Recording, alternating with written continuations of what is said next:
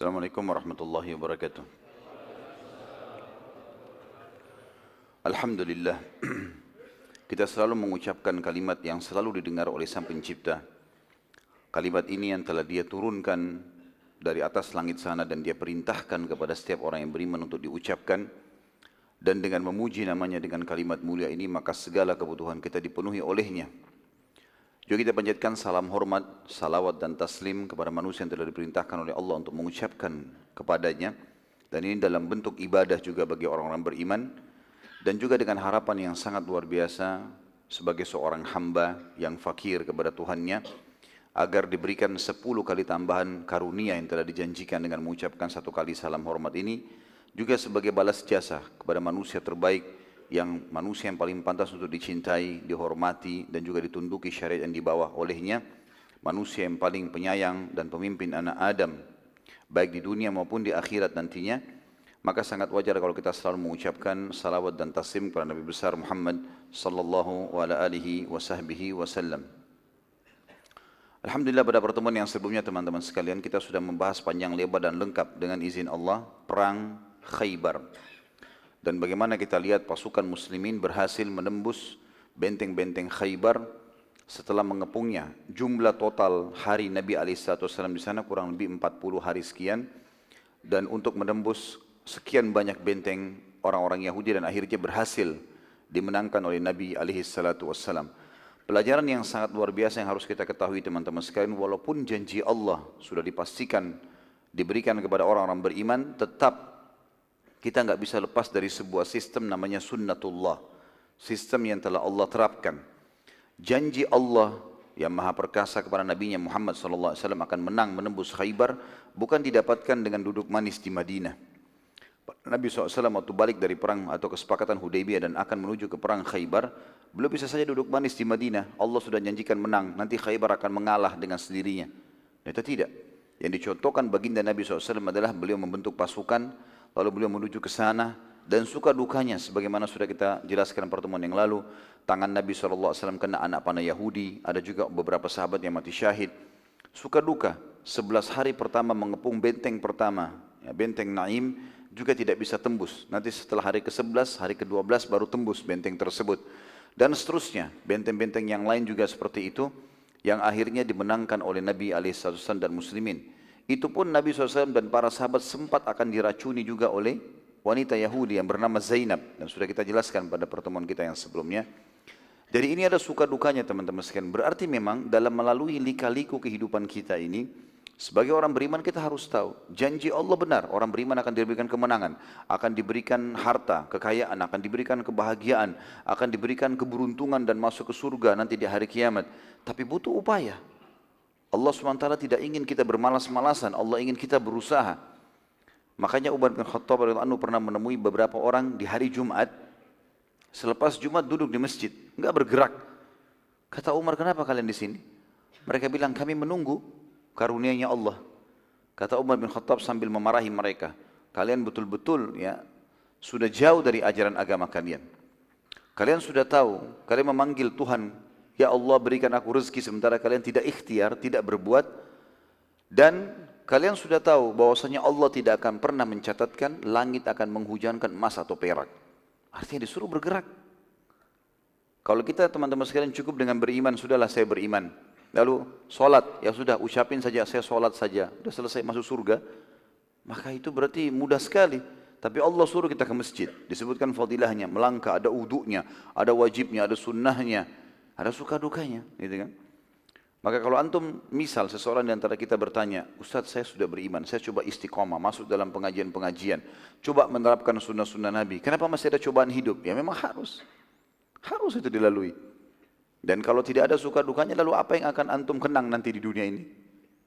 Dengan adanya suka duka, adanya sakit, adanya gangguan orang, adanya sukses, ya, adanya kalah, adanya menang, adanya sehat, adanya sakit. Kita punya kenangan dalam kehidupan dunia. Kalau tidak, maka tidak ada sesuatu yang bisa diceritakan. Kalau polos-polos saja tidak ada sesuatu yang bisa dilalui.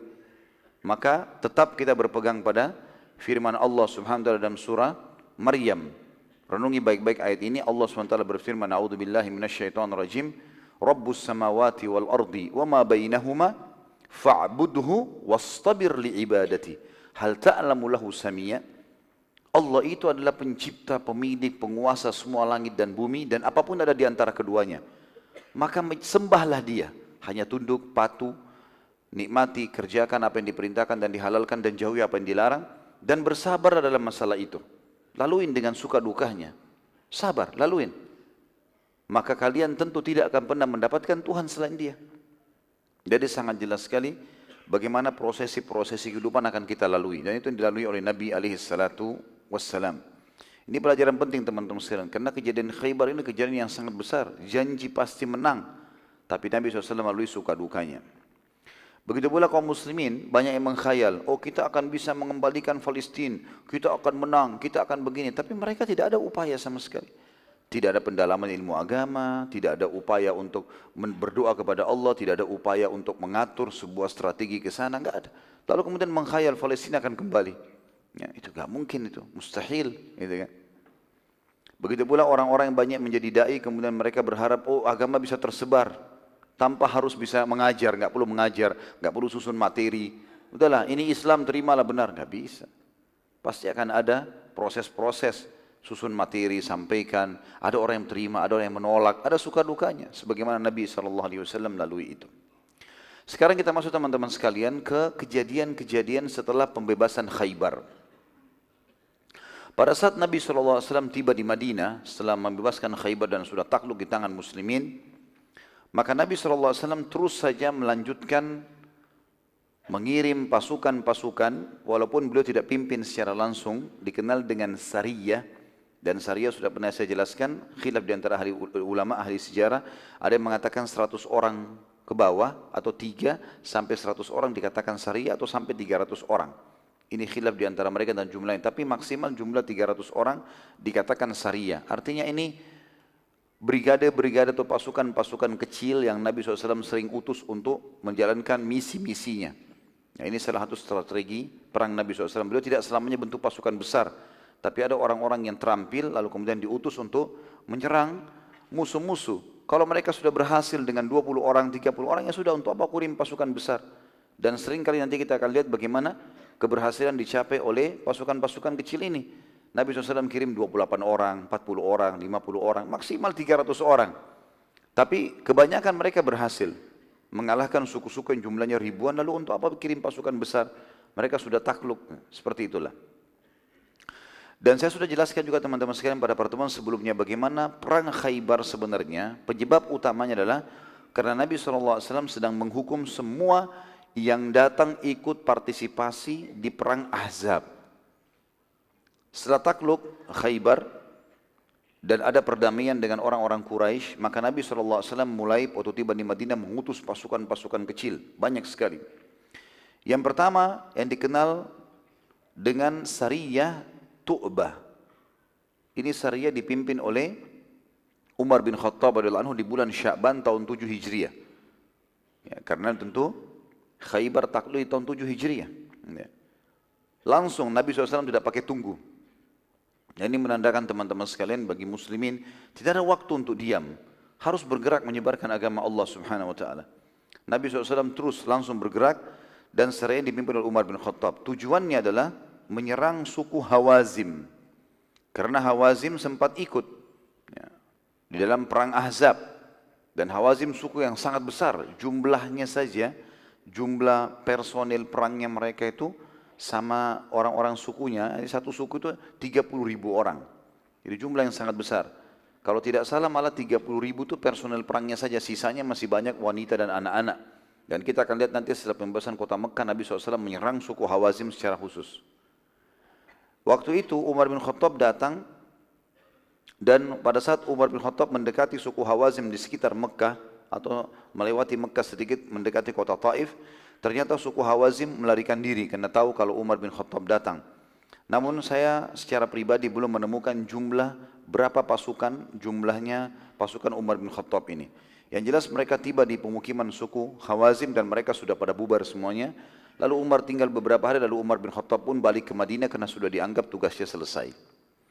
Di tengah jalan waktu pulang ke Madinah Umar bin Khattab dan pasukannya melewati suku Khuthum Suku ini teman-teman sekalian, suku Khuthum ini salah satu suku juga yang ikut di perang Ahzab, tapi pasukannya kecil, tidak besar gitu.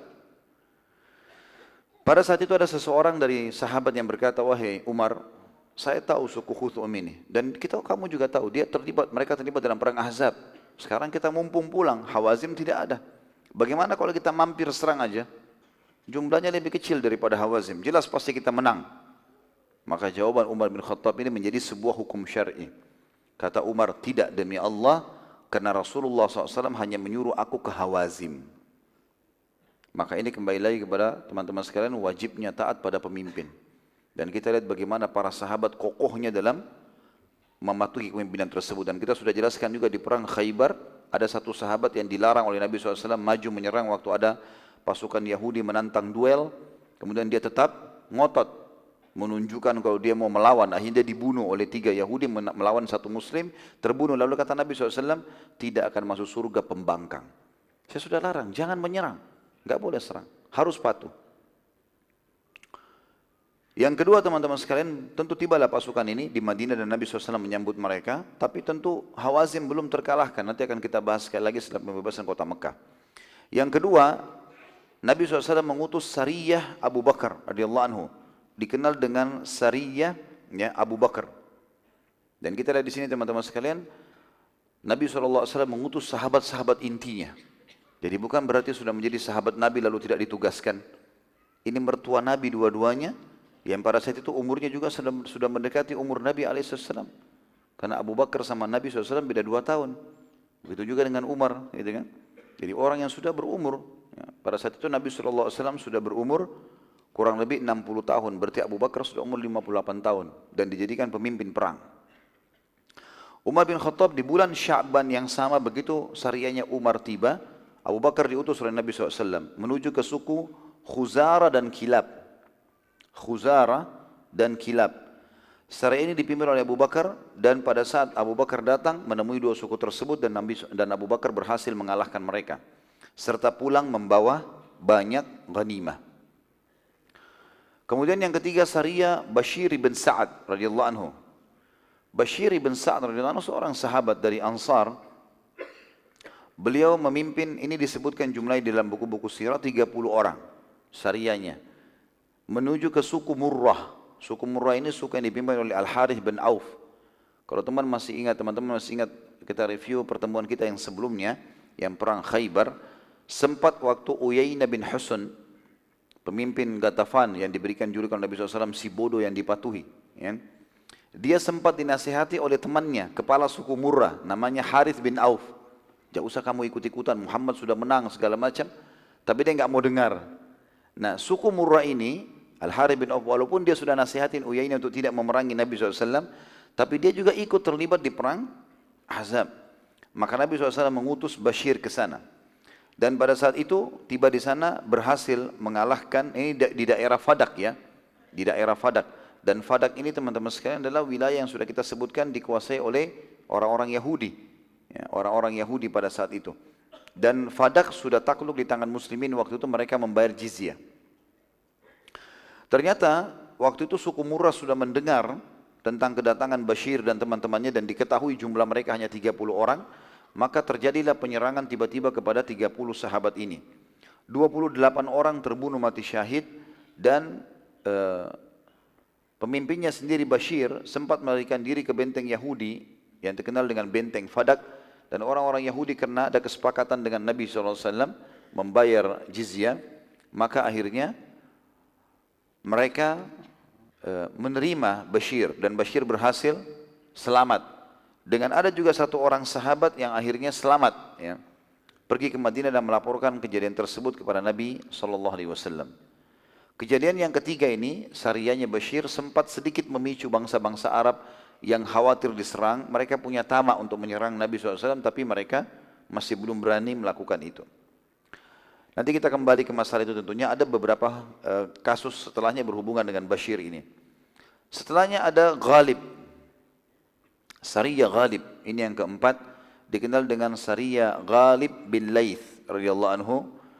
Ini pada bulan Ramadan. Jadi tadi bulan Sya'ban, ketiga Sariyah sebelumnya. Ini yang keempat di bulan Ramadan di tahun 7 Hijriah Nabi SAW mengutus kurang lebih 130 orang yang dipimpin Ghalib bin Laith ke suku Awal dan Tha'labah. Suku Awal dan Tha'labah ini juga dua suku yang ikut dalam perang Ahzab. Ghalib waktu itu sangat berhati-hati setelah kejadian terbunuhnya 20 orang sahabat Nabi yang dipimpin oleh Bashir di Fadak.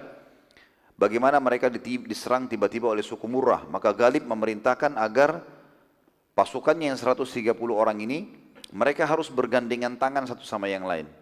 Dan harus kenal siapa yang di sebelahnya ini. Kamu sama kamu, kamu harus mengenal dari gerakan badan, dari bahasa, dari suara harus tahu kalau ini sahabat dekatnya. Dan mereka harus jalan sama-sama. Dan kalau ada misalnya muslimin di depannya, mereka bisa saling mengingatkan, itu muslim, jangan sampai kita salah bunuh. Karena rencananya si Ghalib ini akan menyerang dua suku tadi di malam hari. Pada saat itu Ghalib bercerita radhiyallahu anhu dalam kisah ini, dia bilang pada malam itu aku mencoba mengintai dari sebuah tempat yang agak tinggi, bukit, di dekat pemukiman suku atau musuh tadi yang akan diserang, suku akan dimusuh atau suku akan diserang atau musuh akan diserang. Dan ternyata aku menemukan mereka memang sedang mempersiapkan untuk menyerang Madinah. Besoknya ini rencananya mereka akan menyerang Madinah dan pasukannya sudah siap semuanya. Dan aku terus saja mengintai mereka tanpa aku sadar aku sedang berada di sebuah bukit yang cukup tinggi dan itu adalah berdempetan dengan rumah salah satu penduduk suku tadi atau suku awal. Pada saat itu aku sempat mendengarkan pembicaraan dari dalam rumah itu. Suami istri berbicara. Kata si suaminya pada istrinya, sungguh semalam aku tidak melihat bayangan itu di bukit itu. Jadi rumahnya kelihatan dari jendela. Bukit itu kayak ada bayangan hitam. Dia bilang, saya semalam tidak lihat bayangan itu. Ghalib berkata, aku pun berusaha untuk tidak bergerak, khawatir ketahuan, sementara kami akan menyerang malam itu. Maka si pemilik rumah itu berkata pada istrinya, ambillah busur dan anak panahku. Aku ingin memastikan apakah itu manusia atau bukan. Lalu kata Ghalib, orang itu pun memanah ke arahku. Karena jarak yang tidak terlalu jauh, dan orang yang mahir memanah ini walaupun malam hari dia tahu sasarannya kena atau tidak, maka dia mengarahkan panah tersebut kata Ghalib itu kena ke lenganku dan sempat menyobek lengan kananku. Tapi aku berusaha untuk tidak bergerak walaupun darah terus menetes. Ya, sakit sekali kena karena mereka membuat anak-anak panah itu dibuatnya dari bahan-bahan yang sangat tajam. Ya kadang-kadang ujungnya ditaruh racun ya, dan seterusnya.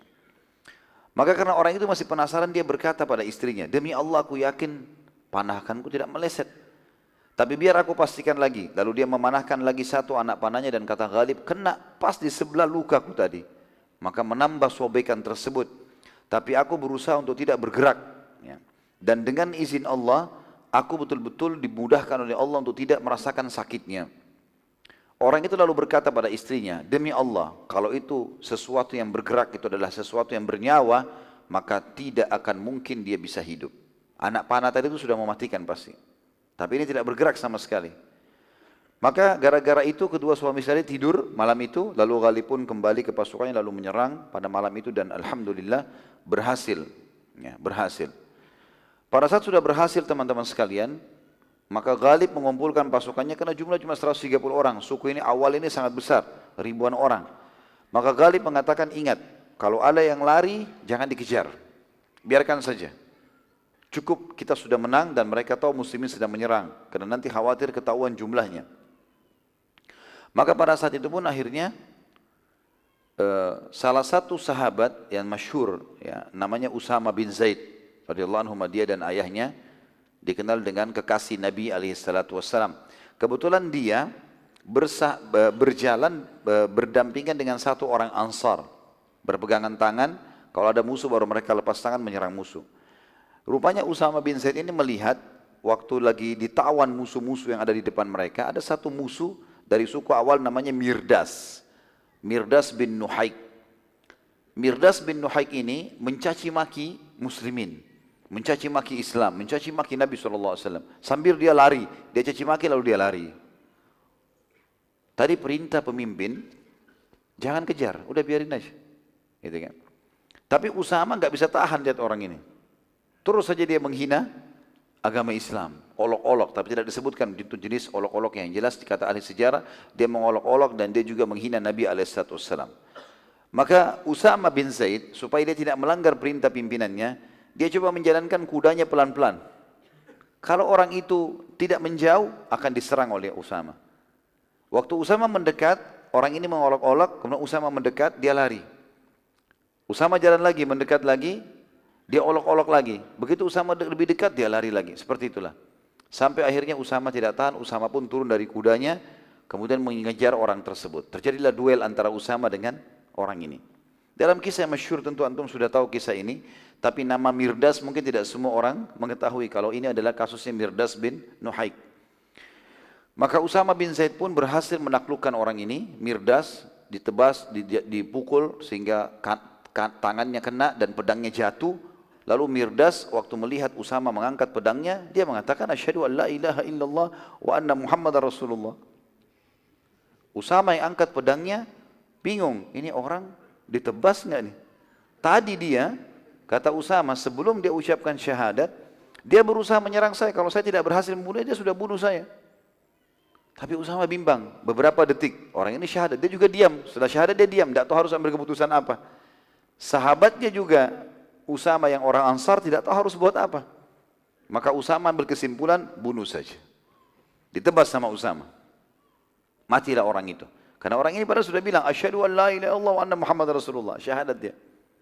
Maka temannya Usama dari Ansar bilang, wahai Usama, kenapa kau bunuh dia? Bukankah dia sudah syahadat? Kata Usama, demi Allah dari tadi dia mencaci maki Allah, mencaci Islam, mencaci maki Islam, mencaci maki Nabi SAW. Dan kemudian saya ajak, saya serang dia, dia melawan.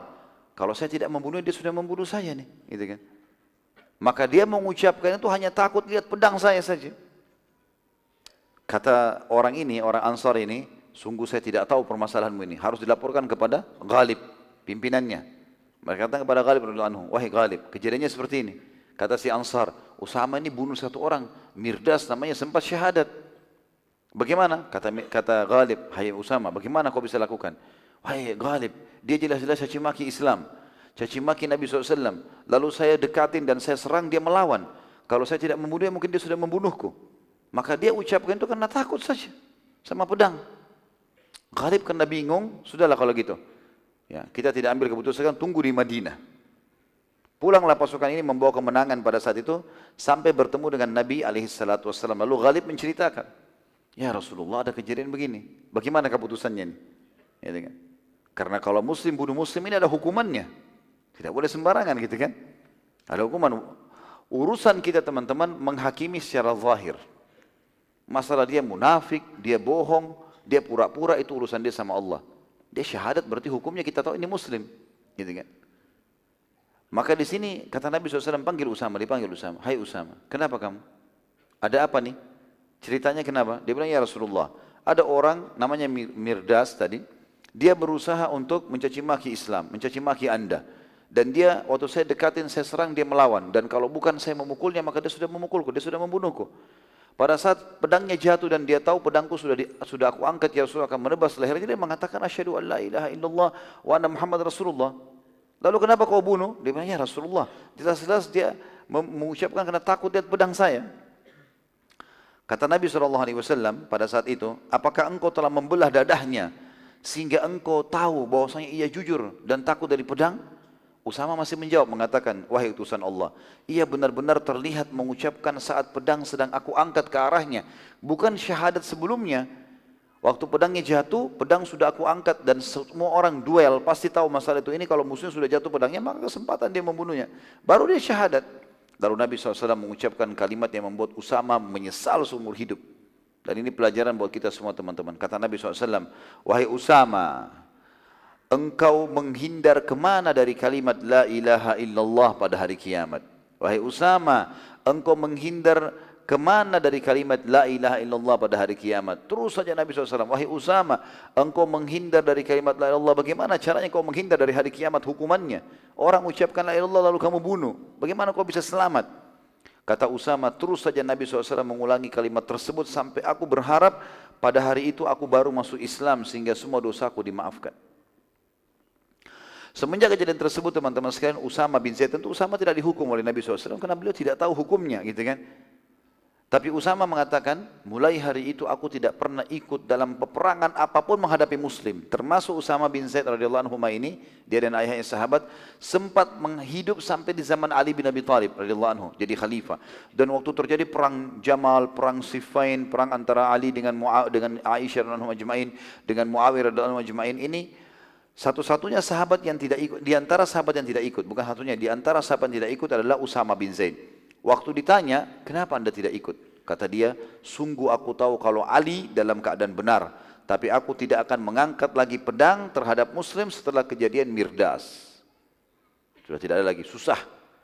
Mirdas aja kemungkinan masih pura-pura ucapin syahadat. Bagaimana kalau muslim sama muslim? Nah, sama-sama takir, sini angkat pisau, sana angkat pisau. Nah, ini bahaya sekali. Makanya kata Nabi SAW, Idal takal muslimani bisayfihima ma qatilu umaktul finnar. Dalam hadis riwayat muslim. Kalau dua orang muslim bertemu, dua-duanya bawa pedang, dua-duanya yang membunuh dan dibunuh, dua-duanya masuk neraka. Kata para sahabat, ya Rasulullah, hadal qatil fama balul maktul. Orang yang membunuh sudah jelas ya Rasulullah, wajar masuk neraka. Bagaimana dengan nasibnya orang yang dibunuh? Kata Nabi SAW, fa innau kana harisan ala qatli sahibihi. Karena dia sebenarnya memang juga mau membunuh rivalnya. Kalau bukan terlanjur dia dibunuh, dia akan membunuh. Maka karena itu dua-duanya akan masuk dalam api neraka. Lalu bagaimana Ustaz kalau kita menghadapi seorang muslim? Baik, kita tidak usah layani pertengkaran.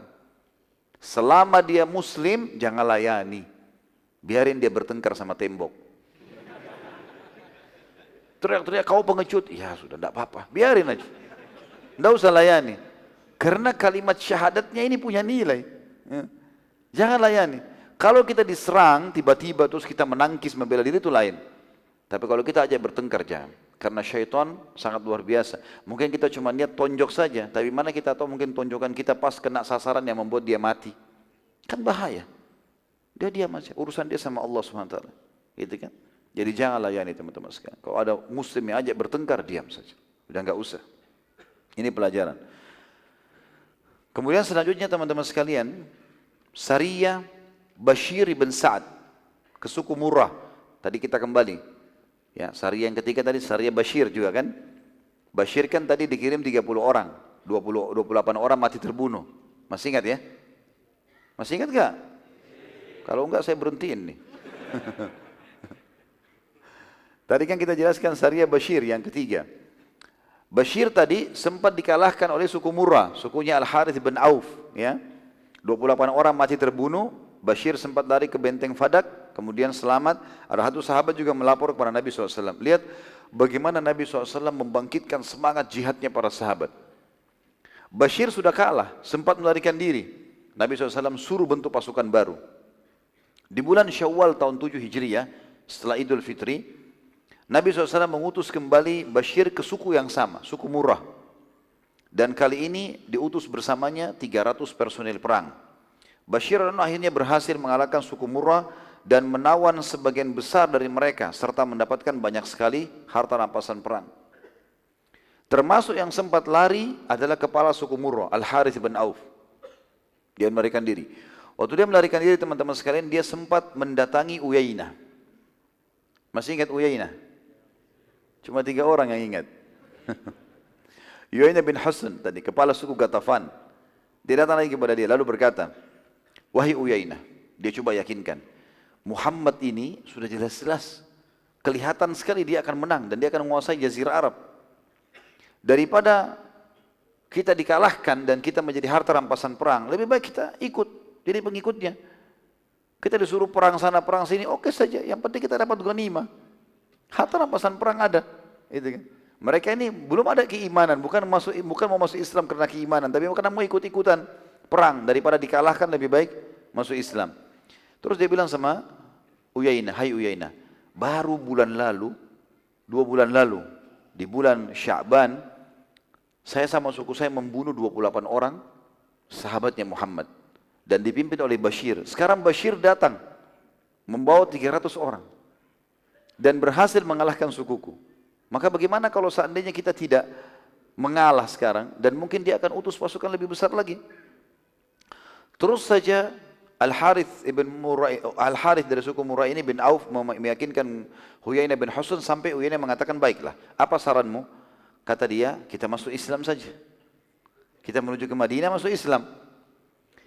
Waktu keduanya lagi menuju ke Madinah mau masuk Islam, dan ini dua-duanya sukunya besar. Di tengah jalan mereka bertemu juga dengan satu lagi kepala suku yang lain namanya Farrah bin Hubairah. Farrah bin Hubairah ini lagi mau menuju pergi umroh. Ketemu dengan dua-dua. Ini bertiga orang bersahabat, tiga-tiganya kepala suku yang berbeda. Farrah bertanya kepada keduanya, kepada Al-Harith dan juga Uyaina, mau ke mana kalian? Kata mereka, kami mau ke Madinah, masuk Islam, menjadi pengikut Muhammad. Farah berkata, sabar dulu. Aku akan menuju ke Mekah untuk umrah dan melihat keputusan Quraisy. Bila Quraisy bersiap-siap memerangi Madinah, maka tunggu sampai siapa yang menang. Yang menang kita dukung. Kita jadi pengikutnya. Karena mereka tujuannya bukan untuk masuk ikut akidah, cuma untuk mencari keamanan saja. Bila Muhammad yang menang, maka jadilah pengikutnya. Tapi bila Quraisy yang menang, untuk apa kalian jadi pengikutnya Muhammad? Tahu juga kalah.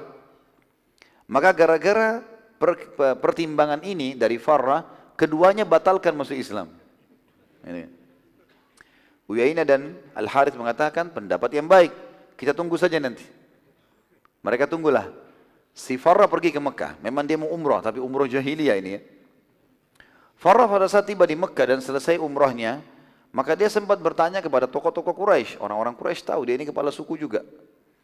Apa keputusan kalian tentang kesepakatan dengan Muhammad? Kata Quraisy, sungguh kami hanya berdamai sesaat saja dengan Muhammad agar kami bisa mengatur strategi menghabisi Muhammad dan para pengikutnya. Maka si uh, mulai bimbang. Ini jangan sampai Quraisy ini bohong saja dengan kesepakatan Hudaybiyah. Terungkap lebih jauh lagi, ternyata pada saat itu kebetulan ada kepala suku Bakar kalau teman-teman masih ikut masih ingat suku Bakar, waktu terjadi kesepakatan Hudaybiyah, sempat di antara poin kesepakatan suku Arab mana pun yang mau jadi sekutunya muslimin silahkan, yang mau jadi sekutunya Quraisy silahkan. Suku Bakar sempat menjadi suku, sekutunya Quraisy. Dan lawannya suku Bakar selalu mereka berperang namanya suku Khuza'ah. Ini jadi sekutunya muslimin. Dan nanti kita akan lihat belum sampai 10 tahun tentunya baru 3-4 tahun berjalan kesepakatan Hudaybiyah itu sudah terjadi pembatalan karena ada pengkhianatan. Kepala suku Bakar, Bakar ini sekutunya Quraisy. Khuza'ah sekutunya muslimin. Nama kepala suku Bakar Naufal bin Muawiyah Ad-Daili. Naufal bin Muawiyah Ad-Daili. Dia waktu itu, teman-teman sekalian, kebetulan lagi ada di Mekah dan dilihat oleh Farrah ini. Dia bilang, kepada Quraisy, ayolah kita perangi suku Khuza'ah. Terus saja dia memotivasi agar Quraisy mau memerangi suku Khuza'ah. Walaupun Quraisy masih belum menanggapi. Akhirnya Farah mengambil kesimpulan. Kayaknya Quraisy ini hanya ya, berbohong, dusta saja dalam dan mengatur tipu daya dalam kesepakatan Hudaybiyah. Maka ia pun pulang lalu dia sampaikan kepada Uyainah dan Harith tentang cerita Mekah. Gara-gara ini Uyainah dan Harith akhirnya menunda keislaman mereka. Di sini tentu teman-teman sekalian sebuah pelajaran subhanallah. Keinginan masuk Islam kedua orang tersebut hanya karena takut dan ini bisa terjadi. Jadi ada orang masuk Islam teman-teman karena takut dengan muslimin.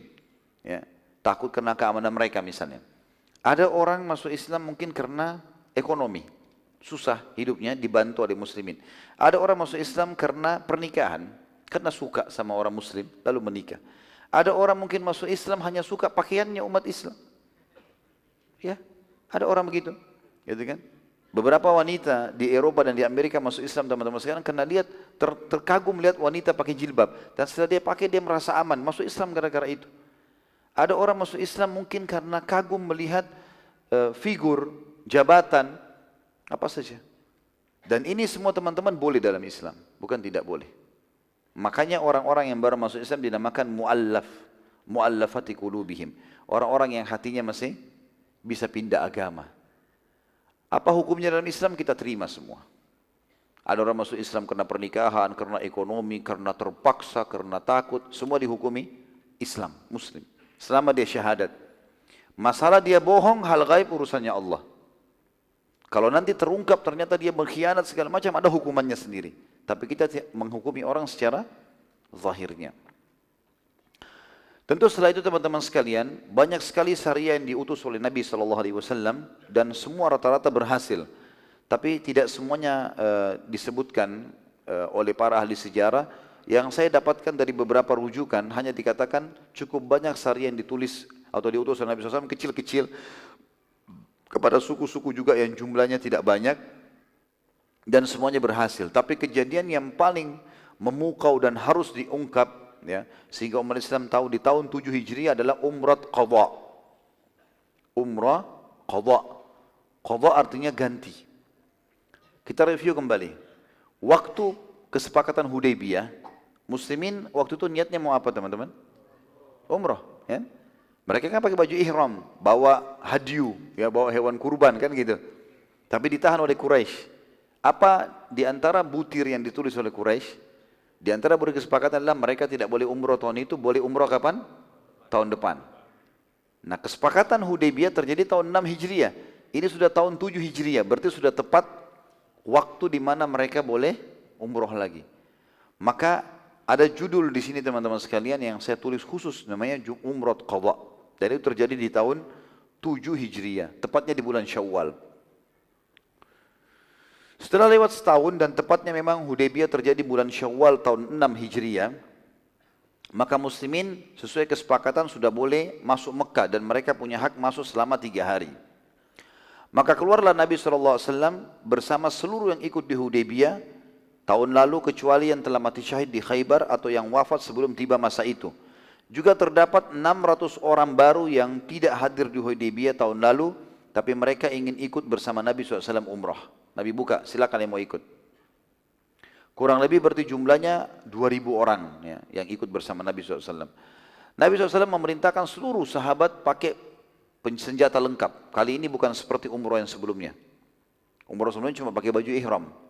Tidak ada baju besi, tidak ada perisai, tidak ada tombak, tidak ada topi besi, tidak ada semua. Sekarang tidak, bawa semuanya. Harus dibawa semuanya. Nabi SAW waktu itu menyuruh membawa. Abu Bakar radhiyallahu sempat bertanya kepada Nabi SAW mengatakan, wahai utusan Allah, bukankah bukankah kesepakatan antara kita sama Quraisy masuk Mekah tanpa senjata dan tanpa perang? Nabi SAW mengatakan benar. Dan ini hanya saja berjaga-jaga atas pengkhianatan. Seluruh senjata akan kita letakkan di luar wilayah haram. Kita tidak akan masuk ke wilayah haram bawa senjata, tapi di luar haram kita taruh. Dan ini teman-teman sekalian mesti menjadi pelajaran setiap muslim. Muslim harus cerdas dan jeli, tidak boleh ditipu. Mereka harus bersiap siaga. Nabi SAW mengatakan al-mu'minu qisul fatin. Orang mukmin itu cerdas dan jeli. Tidak mungkin kita begitu saja mempercayai musuh dan tetap harus berjaga-jaga dan berhati-hati. Ini pelajaran dari kehidupan Nabi alaihissalam. Walaupun kita tidak melanggar kesepakatan, saat muslimin tiba dan akan memasuki wilayah haram, Quraisy melihat muslimin bersenjata. Maka mereka bertanya kepada Nabi SAW, Wahai Muhammad, bukankah kesepakatan antara kita masuk Mekah tanpa senjata dan perang? Lalu kenapa kau bawa senjata? Kata Nabi SAW, kami tetap dalam kesepakatan. Semua senjata akan kami letakkan di luar wilayah haram. Enggak ada yang masuk wilayah haram. Dan pada saat itu, Nabi SAW menunjukkan kepada Quraisy semuanya diletakkan di luar. Tetapi senjata ini diatur sedemikian rupa oleh Nabi SAW yang luar biasa setiap kuda ditaruh di atasnya tombak, pedang, perisai, baju besi yang seorang mujahid, seorang sahabat bisa langsung pakai, langsung naik, langsung perang.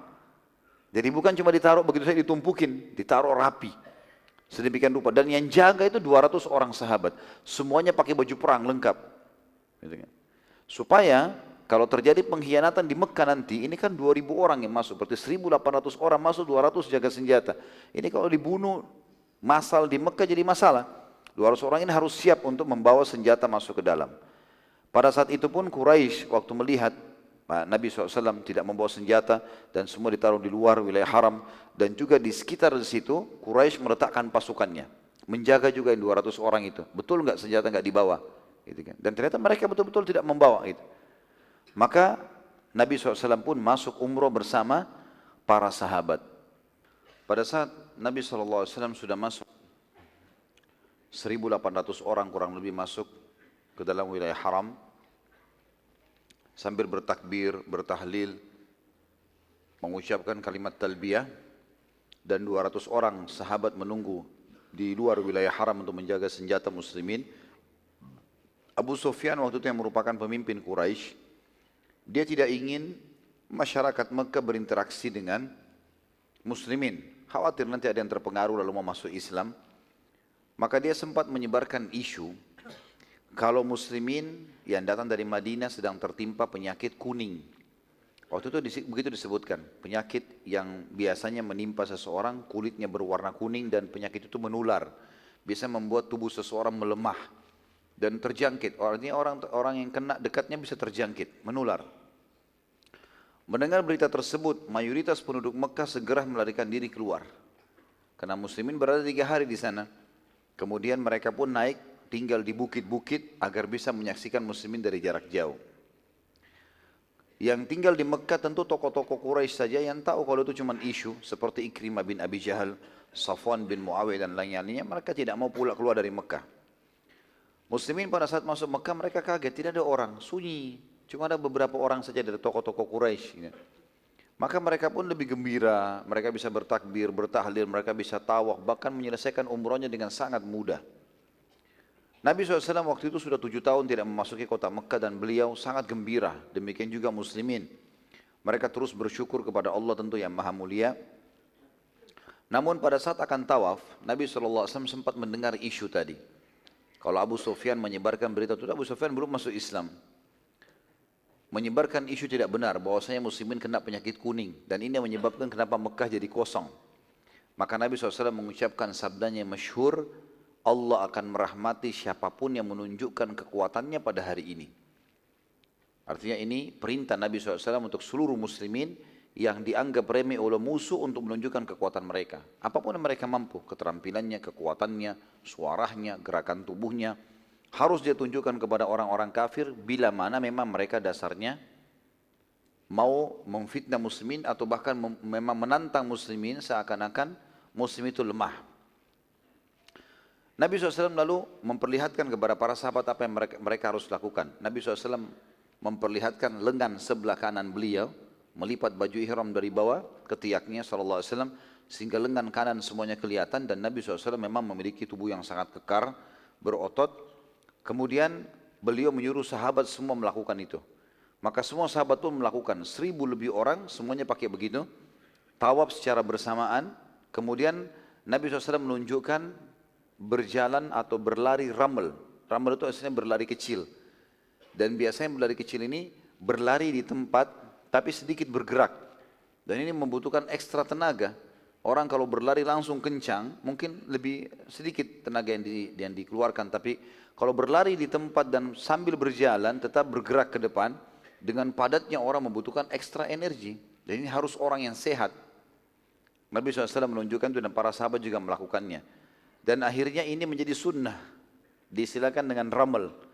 Di tujuh putaran sunnah orang yang sedang umroh atau haji sedang atau yang sedang tawaf memakai baju ihram ini memperlihatkan lengan sebelah kanannya karena kejadian itu. Maka semua sahabat melakukan itu sambil membaca doa. Pada saat itu mereka sambil membaca talbiyah, ya, para sahabat membaca, seluruh orang Quraisy di atas gunung melihat Lalu mereka saling membisikkan satu sama yang lain. Demi Allah nggak mungkin orang sakit kuning begini gerakannya. Orang penyakit kuning itu lemah semua. Ini seribu semuanya dengan suara yang keras, dengan poster tubuh yang berlari kecil di tempat, dengan memperlihatkan lengan mereka. Ini nggak mungkin. Maka akhirnya terhilangkanlah isu tersebut karena penglihatan mata mereka sendiri. Namun melihat kejadian tersebut tentunya, karena sudah terlanjur mereka keluar dari Mekah, dan mereka tidak mau masuk kecuali sudah tiga hari, maka seorang sahabat itu lagi tawaf namanya Abdullah ibn Rawaha radhiyallahu anhu. Abdullah bin Rawaha ini salah satu sahabat yang nanti mati syahid tentunya ya di perang Mu'ta. Beliau melantunkan syair waktu lagi tawaf dan syair ini semuanya berisikan tantangan perang. Beliau mengatakan kalimat masyur, "Khallu banil kuffara an sabili." Artinya biarkan saja orang-orang kafir menentukan jalan hidupnya. Inni syahidtu annahur rasulu. Ya. Karena sungguhnya aku sendiri telah bersaksi bahwasanya Muhammad ini benar-benar utusan Allah. Haqqan wa kullul khairi fi sabilih. Ini sebuah kebenaran dan semua kebaikan hanya ada di jalan ajarannya atau di jalannya. Maksudnya jalan Nabi Muhammad SAW. Nahnu qatalnakum ala ta'wilih Dan kami pasti memerangi kalian hai Quraisy sesuai dengan instruksinya. Suruh perang kami perang. Kama darabnakum ala tanzili dan kami juga akan memenggal leher-leher kalian. Sesuai dengan tuntunan Al-Quran yang telah turun kepadanya. Darban yazilul hammu am maqili. Pukulan ya, atau tebasan yang akan menyebabkan kesedihan bagi yang tertimpa. Wa yarhalul khalilu an khalili dan pasti pukulan itu akan memisahkan antara kekasih dengan kekasihnya. Dengan suara keras. Rupanya ada beberapa sahabat dengar syair ini, mereka tertarik dengan kalimatnya, mereka ulangi, jadi suaranya jadi besar. Umar bin Khattab adalah anhu pada saat itu. Tentu ini teman-teman sekalian syair-syair ini syair tantangan perang ini. Ya kami menebas leher kalian dengan Al-Quran, kami memerangi kalian kena perintah Nabi kami, Nabi kami sedang bersama kami. Begitulah maknanya. Mereka beliau suruh kita perangi kalian, kami akan perangi kalian sekarang juga. Tantangan perang, lagi tawaf. Gitu. Kan. Umar bin Khattab sempat menegur waktu itu. Abdullah bin Rawah, ya Abdullah, apa yang kau ucapkan? Waktu itu Umar menegur kata ahli sejarah ada dua sebabnya. Yang pertama, pada saat orang lagi tawaf tidak semestinya lantunan syair ya, yang diucapkan, tapi mestinya doa dan zikir. Umar mau tegur itu sebenarnya. Yang kedua, muslimin sedang tidak bersenjata sekarang senjata lagi di luar. Jangan sengaja cari gara-gara. Jangan sampai Quraisy terganggu dengan syair tersebut lalu tiba-tiba menyerang muslimin sementara muslimin belum siap. Maka Nabi SAW waktu itu waktu dengar Umar berkata, Hai Abdullah apa yang kau ucapkan?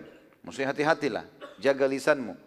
Maka Nabi SAW berkata kepada Umar, Hai Umar, tidak usah khawatir, aku mendengar. Aku juga dengar apa yang diucapkan Abdullah, biarin aja dia. Bahkan Nabi SAW mendukung pada saat itu. Lalu Nabi SAW menghadap ke Abdullah, belum beliau lagi di depan dan Abdullah di belakangnya lalu berkata, Wahai Abdullah, ucapkan kalimat yang lebih baik. Bacalah, La ilaha illallah wahda. Tidak ada Tuhan yang berhak disembah dan dia Maha Esa. Sadaqa wa'da. Dia membenarkan janji-janjinya. Wa nasara abdah. Dan dia telah menolong dan memenangkan hambanya. Nabi Muhammad SAW. Wa a'azza jundah dan dia memuliakan tentara-tentara yang membela di jalannya wahazamal ahzab wahda dan yang telah mengalahkan pasukan ahzab sendirian tentu kalimat terakhir wahazamal ahzab wahda ini menyakiti sekali bagi Quraisy. Karena yang yang paling besar jumlah pasukan di perang ahzab adalah Quraisy. Dan betul-betul mereka dihantam oleh angin pada saat mereka terbubarkan pada malam itu. Dan sudah kita jelaskan pada saat kita jelaskan perang Khandak atau perang Ahzab. Lalu Abdullah pun melakukan itu dan semua sahabat mengikuti akhirnya menjadi sunnah yang diturun-temurunkan dari Nabi alaihi salatu wassalam. Artinya orang kalau lagi tawaf membaca zikir tadi. Nabi SAW selesai tawaf beliau pun menyembeli domba dan ini juga sunnah yang banyak muslimin belum kerjakan di dalam umroh. Karena ini bukan haji, umroh. Dan banyak jemaah kita pada saat umroh mereka tidak menyembeli di Mekah. Pada sebenarnya sunnah Nabi SAW ini yang mestinya dikerjakan walaupun sekali dari sekian banyak umroh yang kita kerjakan. Dan dia hukumnya wajib, ini sunnah kalau umroh tentunya, boleh dikerjakan boleh tidak. Dan dia menjadi wajib bagi haji yang tamattu dan kiran. Dan haji ada tiga macam, ada haji ifrat, haji saja tanpa ada umroh, ini tidak ada kurbannya. Ada haji ya, tamattu, umroh dulu baru haji, dan ada haji kiran, haji dulu baru umroh. Gitu kan? Jadi umrohnya dikerjakan setelah haji namanya kiran. Tapi dua-duanya tamattu dan kiran ini ada kurbannya. Nabi SAW lalu pada saat selesai berkurban, beliau menyembeli di sana, lalu beliau mengirim kepada Quraisy yang memegang kunci Ka'bah agar membukakan pintu Ka'bah untuk beliau. Dan memang selain muslimin, teman-teman sekalian, Ka'bah dulu selalu dibuka pintunya. Dan Ka'bah memiliki dua pintu, tempat masuk dan tempat keluar. Jadi orang mula lalang masuk keluar. Semua orang boleh masuk. Quraisy pun membukakan buat mereka. Tapi waktu muslimin masuk mereka menguncinya, tidak boleh buka. Nabi SAW kirim minta kepada pemegang kunci untuk membukanya. Tapi mereka menolak. Mereka mengatakan ini tidak dalam kesepakatan. Nabi SAW pada saat melihat kekakuan Quraisy dalam hal tersebut, maka beliau melakukan satu perbuatan yang menyakiti hati mereka akhirnya. Beliau mengatakan pada Bilal, kalau begitu hai Bilal, Ka'bah tidak dibuka, naiklah ke atas Ka'bah. Dan azanlah. Karena sekarang waktu sholat sudah tiba. Waktu itu kebetulan tiba waktu sholat. Tapi tidak disebutkan waktu sholatnya apa. Maka Bilal pun akhirnya naik dan azan di atas Ka'bah dan dua kali Bilal azan di atas Ka'bah di Umrah Qada'in dan juga nanti pembebasan kota Mekah. Waktu melihat kejadian tersebut dengan suara keras Bilal Muazzin dan mereka tahu orang Quraisy tahu siapa Bilal. Bilal ini mantan budaknya mereka dulu di Mekah. Orang yang dianggap kelas nomor dua lah gitu kan. Maka Quraisy pun terpukul tapi mereka tidak bisa buat apa-apa. Karena kalau mereka mengganggu ini jelas-jelas mereka dalam perdamaian. Ikrimah bin Abi Jahal, ya, anaknya Abu Jahal yang nanti juga akan masuk Islam insya Allah. Sungguh sangat baik. Ya. Dia berkata, sungguh sangat beruntung Abu Hakam. Abu Hakam maksudnya ayahnya sendiri Abu Jahal. Karena tidak melihat budak ini azan di atas Ka'bah. Jadi ini tentu kesombongan dari mereka. Bagaimana mereka menganggap mustahil ada kulit hitam naik di atas Ka'bah. Atau mengurus Ka'bah. Itu dalam Islam sudah tidak ada ini. Tidak ada rasisme lagi, tidak ada kesukuan lagi. Semuanya orang yang mulia di sisi Allah adalah orang yang paling bertakwa. Orang yang paling patuh. Pada saat muslimin akan meninggalkan Mekah setelah tiga hari teman-teman sekalian, mereka menyembah Allah yang maha perkasa. Nabi SAW ingin menambah beberapa hari lagi karena masih rindu, ingin ibadah, nyaman di Mekah. Namun orang-orang Quraisy telah mengutus Ikrimah bin Abi Jahal untuk ya, mengingatkan muslimin dan segera keluar. Nabi SAW sempat mengajak negosiasi Ikrimah mengatakan, Hai Ikrimah, bagaimana kalau kau jadi tamuku di kemah dan aku akan negosiasi denganmu? Maka Ikrimah mengatakan, aku tidak butuh, tidak ada hajat dengan jamuanmu hai Muhammad, keluarlah segera dari wilayah dan kota kami. Salah satu pimpinan Ansar Madinah Sa'ad ibn Ubadah radhiyallahu anhu marah dengan statement Ikrimah. Lalu dia berkata, "Hai Ikrimah, sesungguhnya ini adalah wilayah dan kota Nabi SAW, bukan kotamu. Sekarang ini selama tiga hari ini kota kami. Dan ini juga kota Nabi SAW, bukan kota kamu. Maka Nabi SAW sempat menenangkan saat dan berkata tidak boleh orang yang datang ke lokasi kita lalu kita mengganggunya. Walaupun kita sekarang berkuasa tiga hari, nggak boleh sama sekali kita mengganggu mereka dan memerintahkan agar muslimin segera meninggalkan Mekah. Saat meninggalkan Mekah teman-teman sekalian, sebagian orang-orang bodoh dari Quraisy yang tidak faham, mereka tidak tahu nilainya kesepakatan, maka mereka berusaha menyerang muslimin. Namun karena jumlahnya sedikit dan muslimin tahu masalah itu, kebetulan mereka sudah keluar dari wilayah haram, sudah bergabung dan pasukan yang 200 tadinya sudah mulai masuk ke Mekah, jadi 1800 sekarang yang menjaga senjata. Mereka berusaha menyerang yang 1800, mereka tidak tahu kalau ada 200 yang belum umrah. Bukan yang 200 diserang, tapi yang di luar wilayah haram. Mereka pun takut membunuh di wilayah haram. Waktu mereka menyerang, muslimin punya senjata lengkap. Langsung dihadapi oleh muslimin, begitu mereka melihat senjata, mereka pun akhirnya meninggalkan muslimin dan tidak berani melawan. Waktu sementara menunggu 200 orang, sahabat yang umroh tadi yang tadinya jaga senjata, ada satu orang yang bernama Abban ibn Walid bin Mughirah. Abban bin Walid bin Mughirah. Abban ini masuk Islam. Orang Mekah, dia datang, dia syahadat. Dan ini termasuk anak mudanya Mekah. Artinya orang yang sangat cerdas. ya. Dia kemudian datang dan dia masuk Islam. Lalu kata Nabi SAW, wahai Abban, mana sahabatmu Khalid bin Walid? Itu Khalid bin Walid belum masuk Islam. Kebetulan sahabat dekatnya Abban. Maka kata Nabi SAW, mana sahabat Khalid bin Walid? Ia sangat cerdas dan Islam tidak mungkin tersembunyi pada orang-orang yang berakal seperti dia. Demi Allah, bila ia masuk Islam, maka kami akan muliakan dan kedepankan dia sebagai pemimpin kami. Abban pada saat itu tidak mulai kembali ke Mekah. Dia mengirim surat saja kepada Khalid bin Walid yang berbunyi, Wahai Khalid, engkau punya akal yang cerdas dan sungguh Islam tidak tidak tersembunyi lagi pada orang yang cerdas sepertimu. Maka ke sini dan masuk Islamlah. Sesungguhnya Nabi SAW telah menyebut-nyebut namamu dan akan memuliakanmu jika kau menjadi Muslim, mengangkatmu sebagai pemimpin perang. Pada saat itu Khalid bin Walid tertarik. Karena memang dia sudah lama mau dengar Islam, dia sudah lama tertarik dengan Islam, tapi dia tidak tahu bagaimana caranya. Dia takut malu dengan sukunya. Karena Abban, sahabatnya telah masuk, dia pun datang ke sana, lalu kemudian dia menghadap Nabi SAW dan masuk Islam. Tentu ini salah satu metode dakwah Nabi SAW bagaimana beliau fokus menawarkan Islam kepada orang-orang yang cerdas. Ini kalau kita sekarang orang berpendidikan mungkin ya, orang berpendidikan, orang yang berakal sehat, ini enggak enggak menolak Islam. Dan kita tidak perlu ragu menawarkan Islam kepada mereka. Mereka sudah tahu bagaimana caranya belajar, bagaimana caranya ya, menganut Islam itu. Pada waktu yang bersamaan, pada saat Khalid bin Walid masuk Islam, Khalid bin Walid ini kebetulan bersahabat dekat dengan dua orang lagi. Yang pertama Amr bin As. Amr bin As waktu itu kebetulan dia diutus, dia baru datang dari Habasyah diutus oleh Quraisy untuk menjemput Ja'far bin Abi Talib. Tapi ternyata dengan hikmah Allah, Amr bin As ini masuk Islam di Ethiopia di tangannya Najasyi. Setelah dia berusaha untuk mengeluarkan, mengembalikan muslimin, memfitnah mereka segala macam, akhirnya dia heran, kok bisa Najasyi masuk Islam? Lalu dia belajar dari Najasyi, akhirnya dia masuk Islam di tangannya Najasyi radhiyallahu anhu majma'in. Ya. Waktu itu dia pulang ke Mekah, Amr bin As pulang, sudah muslim. Dia tidak tahu kalau Khalid bin Walid ini juga masuk Islam. Dia pun lalu kemudian Amr bin As ketemu lalu dia mengangkat barang-barangnya kata Khalid bin Walid di mana kau akan pergi Amr? Kenapa kau bawa barang-barangmu? Kata Amr saya mau ke Madinah. Ya. Kata Khalid, apakah kau telah meninggalkan agama nenek moyangmu? Kata Amr, iya. Dan aku sudah masuk Islam.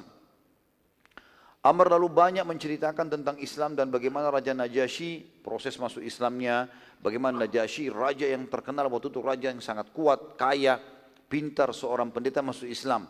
Maka Khalid pun akhirnya mengatakan baiklah kalau begitu. Saya pun sudah masuk Islam.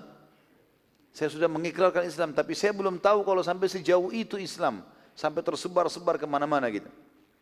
Maka keduanya akhirnya sepakat ya, ini, untuk sama-sama ke Madinah.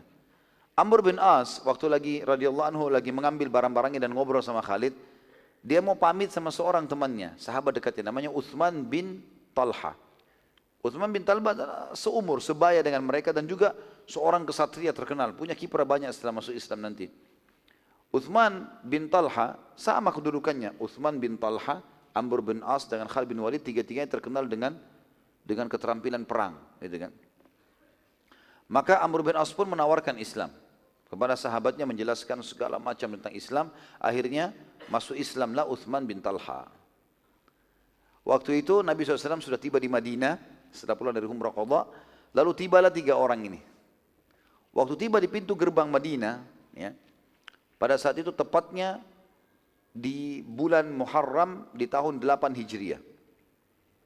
Jadi sudah selesai musim haji, karena tadinya itu umroh kan di bulan Syawal. Habis akhir Syawal, Nabi SAW tiba di Madinah. Bulan Zulqa'dah, bulan Zulhijjah, awal bulan Muharram, tahun 8 Hijriah, Khalid bin Walid dengan Amr bin As dan sahabat-sahabat ini dan At-Talha ini berangkat menuju Uthman ini, Uthman bin Talha berangkat ke Madinah. Waktu tiba di dalam pintu gerbang Madinah dan sudah dekat dengan masjid Nabi SAW, Nabi lihat ketiganya datang. Kata Nabi SAW, telah datang kepada kalian pemuka, pemuda-pemuda terbaiknya Quraisy. Ini tiga orang yang datang ini, ini pemuka terhebatnya anak-anak muda Quraisy. Mereka akan punya peran yang sama sebagai kesatria perang dalam Islam. Dan pada waktu yang bersamaan teman-teman sekalian juga datanglah di bulan Jumadil Awal. Tadi itu bulan Muharram ya. Tiga orang ini hanya tinggal di Madinah. Kemudian di bulan Muharram, eh, maaf, di bulan Jumadil Awal datang satu suku Khuza'ah yang menjadi sekutu Nabi SAW. Waktu tadi tadinya mereka masih dalam keadaan kafir. Datang kemudian mereka juga mengikrarkan masuk Islam semuanya. Ini tentu kisah tentang umrah al-qadha. Gitu. Dan tentu saja teman-teman sekalian pertemuan akan datang insya Allah kita akan masuk ke surat-surat Nabi SAW yang tertujukan kepada raja-raja dunia. Dan bagaimana ini menandakan penyempurnaan agama Islam karena memang dasarnya mereka akan masuk Islam sebagaimana kita lihat nanti. Di antaranya surat kepada Herakl, surat kepada uh, dan banyak raja-raja yang lain dan bagaimana fenomena kejadian pada saat itu. Dan kita tutup teman-teman sekalian dan eh, pelajaran yang bisa kita ambil dari umrah al-qadha. Yang pertama, kalau terjadi, kalau terjadi seorang muslim terlanjur pergi untuk umrah kemudian ternyata ada halangan syar'i. Terutama kalau terjadi peperangan ya. Tentu sekarang alhamdulillah tidak ada ini. Tapi kalau terjadi peperangan atau ada uzur setelah dia lewat mikot dia nggak bisa. Allahu alam apa itu? Gempa kah, banjir kah, apa saja dan tidak memungkinkan mereka masuk ke Mekah, maka hukum syar'inya adalah mereka bertahallul. Tahallul Kemudian mereka pulang ke negara masing-masing. Ini diambil dari umrat qadha. Karena begitu yang terjadi pada tahun sebelumnya di kesepakatan Hudaybiyah. Dan ternyata ini juga kata ulama hukum fikihnya sunnahnya dia menggantinya di waktu kalau muslimin sudah merasa aman. Terbukti Nabi SAW umrah di waktu itu. Yang kedua, pentingnya muslimin untuk istiqamah dalam menerapkan agama mereka. dan mereka harus yakin dengan janji-janji Allah walaupun melalui proses-prosesnya. Walaupun melalui proses-prosesnya. Artinya ada proses. Nabi SAW dipastikan akan menang sebagaimana kita juga akan takluk nanti Mekah. Tetapi Nabi SAW melalui prosesnya dan nikmati proses itu. Nikmati proses teman-teman sekalian kita proses dalam istiqamah ini adalah butuh kesabaran, butuh ada proses, maka tetap istiqamah saja. Yang ketiga, perlunya kaum muslimin menunjukkan kekuatan di depan orang-orang non-muslim kalau memang terjadi perseteruan di antara mereka. Tentu tidak terjadi kalau negara lagi tidak ada apa-apa. Misalnya antara Indonesia sama negara satu non-muslim tidak ada masalah. Maka tidak perlu kita tunjukkan itu. Tapi di saat ada permasalahan yang terjadi, misalnya terjadi memang e, peperangan, kemudian juga terjadi kesepakatan damai dulu beberapa saat. Di situ muslimin tidak boleh tidak boleh tidak boleh e, lengah mereka harus menunjukkan kekuatan. Terlebih lagi kalau keluar isu, oh umat Islam sekarang sudah lemah, makanya mereka damai. Di situ kita dianjurkan dalam pelajaran umrah qadha ini menunjukkan kekuatan muslimin. Bagaimana mereka menunjukkan kekuatan. Nabi SAW tunjukkan itu tadi waktu mereka jalan. Pelajaran yang keempat adalah bolehnya di atas Ka'bah digunakan untuk azan. Jadi ada sebagian orang menganggap tidak boleh Ka'bah dinaikin. Padahal sebenarnya bukan tidak menghormati. Dan memang tidak boleh sembarangan orang. Di zaman Nabi SAW tidak sembarangan orang naik. Nabi sendiri SAW tidak naik ke atas Ka'bah. Tapi waktu itu beliau menyuruh muadzin untuk naik ke atas. Bila radhiyallahu anhu. Tentu ini juga tidak dianjurkan terjadi di zaman sekarang kata ulama. Ini terjadi di zaman Nabi SAW karena sekarang sudah ada pengeras-pengeras suara. Tapi ini terjadi hukum pada saat itu. Terjadi hukum pada saat itu. Yang keempat teman-teman sekalian, sunnah, ya, tentu ini kalau bisa seseorang muslim masuk ke dalam Ka'bah. Tapi sekarang memang tentu hanya dibukakan untuk tamu-tamu kerajaan. Karena memang muslimin terlalu banyak. Ya, dan dikhawatirkan nanti terjadi fitnah-fitnah yang tidak ketahuan ya, atau tidak diketahui. Karena Ka'bah sangat kecil, jumlah muslimin sekarang sudah miliaran jumlahnya. Ya, yang tawaf itu setiap hari sudah sekian ribu, ratusan ribu orang, bahkan jutaan orang gitu kan. Maka dikhawatirkan fitnah tentu ditutup. Tapi termasuk bagian dari sunnah Nabi SAW adalah masuk ke dalam Ka'bah. Yang saya tahu Allah alam termasuk peserta para uh, perlombaan hafad Quran atau hafid Quran atau tahfid Quran uh, di Mekah yang dia, biasa diadakan oleh Rabitan juga tamu-tamunya diajak ke sana, gitu kan. Dan beberapa tamu-tamu kerajaan tentunya masuk ke sana. Ini termasuk sunnah. Dan di sini Nabi SAW tidak sempat masuk karena tidak diizinkan oleh Quraisy. Tapi kita lihat di pembebasan kota Mekah beliau masuk ke dalam Ka'bah dan beliau sholat. Bagi teman-teman yang tidak bisa masuk ke dalam fisik yang ada pintunya, maka tentu masuk dalam Ka'bah Hijri Ismail. Ya, jadi kalau misalnya kita perumpamakan ini adalah Ka'bah, di sebelahnya ada lengkungan ya, warna putih marmer ada tiga lampu, dikasih pintu warna hijau itu adalah Hijri Ismail. Itu sebenarnya masuk dalam Ka'bah. Dan dibolehkan kita datang ke situ untuk sholat di dalamnya. Tentu sholat dua rakaat niatnya tahiyat masjid. Ini termasuk sunnah Nabi alaihi assalatu wassalam. Sebagian ulama menambahkan manfaat mengatakan kalau seseorang menderita penyakit Ya, ini anjuran saja. Maka dianjurkan untuk tidak terlalu banyak vakum kecuali tubuhnya sangat lemah. Karena anjuran Nabi SAW di sini untuk bergerak, gitu kan? Dan kita tahu memang agama kita ini agama bergerak. Haji, umroh, sholat, cari nafkah, jihad, agama bergerak. Kita kalau pergi haji teman-teman sekalian jalan bergerak, tawaf, sa'i, ya. Jalan antara Arafah, Muzdalifah, Muzdalifah, Mina, pergi ke Jumrah, Gitu kan? Memang agama ini agama bergerak. Dianjurkan bahkan ulama mengatakan pergi masjid jalan kaki lebih afdal daripada orang bertunggangan. Sampai begitu. Jadi disuruh bergerak. Nah, kita tahu ini agama yang bergerak. Maka di sini ada pepatah bahasa Arab yang berbunyi taharrak fa inna fi harakati baraka. Bergeraklah karena di setiap gerak-gerik itu ada berkah. Artinya dianjurkan untuk orang tidak vakum, bergerak. Mungkin kalau kita sekarang dengan olahraga dengan segala macam, ini termasuk hal yang dianjurkan. Selanjutnya adalah perlunya seorang muslim cerdas dan jeli dan tidak boleh tertipu oleh musuh. Sebagaimana Nabi SAW melakukan itu pada saat menyiapkan senjata-senjata perang walaupun tidak dipakai untuk menyerang musuh terlebih dahulu tapi berjaga-jaga. Dan betul hampir saya terjadi pengkhianatan dari Quraisy. Pelajaran yang selanjutnya juga adalah bolehnya terjadi kesepakatan damai antara muslimin dengan orang-orang kafir. Kalau dilihat ada maslahat dan mudaratnya. Nabi SAW di perang Khaybar yang sebelumnya kita jelaskan, waktu e, melihat ada mus, ada orang-orang Yahudi Fadak, wilayah Fadak yang berusaha untuk menegosiasi dengan Nabi SAW, Nabi terima. Walaupun Nabi punya pasukan bisa menyerang, Tapi kalau mereka pertama menawarkan diri untuk damai, ya sudah kita damai. Karena kondisi damai teman-teman lebih memudahkan orang-orang kafir masuk Islam dibandingkan peperangan. Karena kalau dalam kondisi damai kayak kita sekarang Masya Allah negara-negara Islam banyak damai gitu kan. Perdamaian dengan negara kafir semuanya bisa lintas negara. Kita masuk pakai paspor, pakai visa, masuk ke negara mana pun bisa masuk gitu kan. Kita sekarang leluasa menawarkan Islam dan ini lebih mudah membuat orang lain terima Islam. Kita bisa sebarin buku, kita bisa berdialog, bebas, nggak ada masalah. Maka ini teman-teman sekalian adalah hal yang lebih penting dibandingkan peperangan. Kalau peperangan umumnya itu bisa membangkitkan semangat orang mempertahankan agamanya walaupun dia dalam keadaan salah, gitu kan. Maka di sini perdamaian sangat penting didahulukan karena memang target Islam adalah perdamaian, bukan penyerangan. Dan kata Nabi SAW kepada Ali bin Abi Thalib waktu sudah tahu pasti akan menembus benteng Khaybar, Hai Ali, ingatlah, engkau jalan dengan tenang, tawarkan Islam dulu. Kalau mereka nolak jizya, kalau mereka tolak baru perang.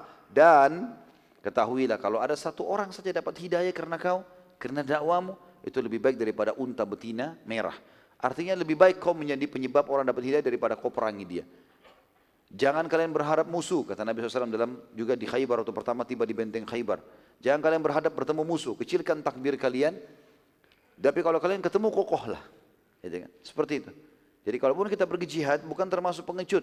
Kita berharap tidak bertemu musuh, tapi musuh tiba-tiba mengalah. Itu lebih baik. Tapi kalau bertemu dengan musuh kita kokohkan telapak kaki kita. Ini pelajaran-pelajaran teman-teman sekalian diambil dari uh, ibadah ini atau perjalanan sirah ini dari tadi pagi kita bahas sampai malam ini tentunya. Dan yang terakhir teman-teman sekalian adanya keutamaan atau fadilah orang umroh. Yang dianjurkan orang umroh ya. Dan ini bolehnya juga seseorang umroh berulang-ulang kali sebagaimana disebutkan oleh para ahli sejarah atau para ulama tentang masalah umrohnya Nabi SAW walaupun ini adalah umroh qadha tapi tetap beliau berarti seakan-akan melakukan umroh dua kali karena dua kali tahallul cuma yang pertama tertahan oleh musuh lalu kemudian beliau umroh lagi setelahnya dan sesuai dengan sabda Nabi SAW juga antara umroh dengan umroh pengampunan dosa di antara keduanya kalau dijauhi dosa-dosa besar artinya dianjurkan seseorang untuk sering mengulanginya juga sabda Nabi SAW umroh dan haji yang dikerjakan secara berkesinambungan rutin akan menghilangkan kesusahan hidup dan kemiskinan sebagaimana api menghilangkan karat dari besi. Allahu alam. Baiklah kalau begitu teman-teman, semoga Allah berkahi majelis kita. Dan kita berdoa kepada Sang Pencipta Allah dengan kemahamurahannya untuk menerima seluruh amal yang pernah kita kerjakan tanpa terkecuali sampai menjelang ajal datang nanti. Dan semoga seluruh dosa yang pernah kita kerjakan tanpa terkecuali sekecil sampai sebesar apa pun diganti dengan kemahamurahannya menjadi pahala. Dan selalu kita doakan negara kita Indonesia agar menjadi negara yang aman, tentram, damai. Seluruh rezekinya dibukakan oleh Allah dari seluruh penjuruhnya dan seluruh utangnya terlunasi dengan izinnya tentunya dan seluruh muslimin di bawah naungan ukhuwah Islamiyah diangkat perselisihan di antara mereka dan dalam ibadah mereka kembali kepada Al-Quran dan Sunnah. Dan semoga saja seluruh wilayah Islam diberikan pemimpin muslim yang adil yang kembali kepada Al-Quran dan Sunnah. Dan semoga saja Indonesia menjadi contoh bagi negara-negara yang lain tidak pernah lupa kita doakan saudara kita di Palestina, di Syria, di Yaman, di Irak, di Myanmar, di Ahsa, di mana pun mereka berada sedang terlindas. Semoga Allah ikhlaskan niat mereka, terima para syuhada mereka, mudahkan Islam di tangan mereka dan tangan kita semua. Dan semoga Allah partisipasikan kita bersama mereka di pahala baik dengan doa, dengan harta juga dengan jiwa kita. Dan semoga Allah dengan kemahamurannya menyatukan kita semua tanpa terkecuali di surga firdausnya tanpa hisab Semuanya saya ucapkan dari majelis semua yang mulia ini. Kalau ada benar pasti dari Allah, kalau rasa pasti dari saya mohon dimaafkan. Subhanakallahumma bihamdika asyhadu an la ilaha illa anta astaghfiruka wa atubu ilaik. Wassalamualaikum warahmatullahi wabarakatuh.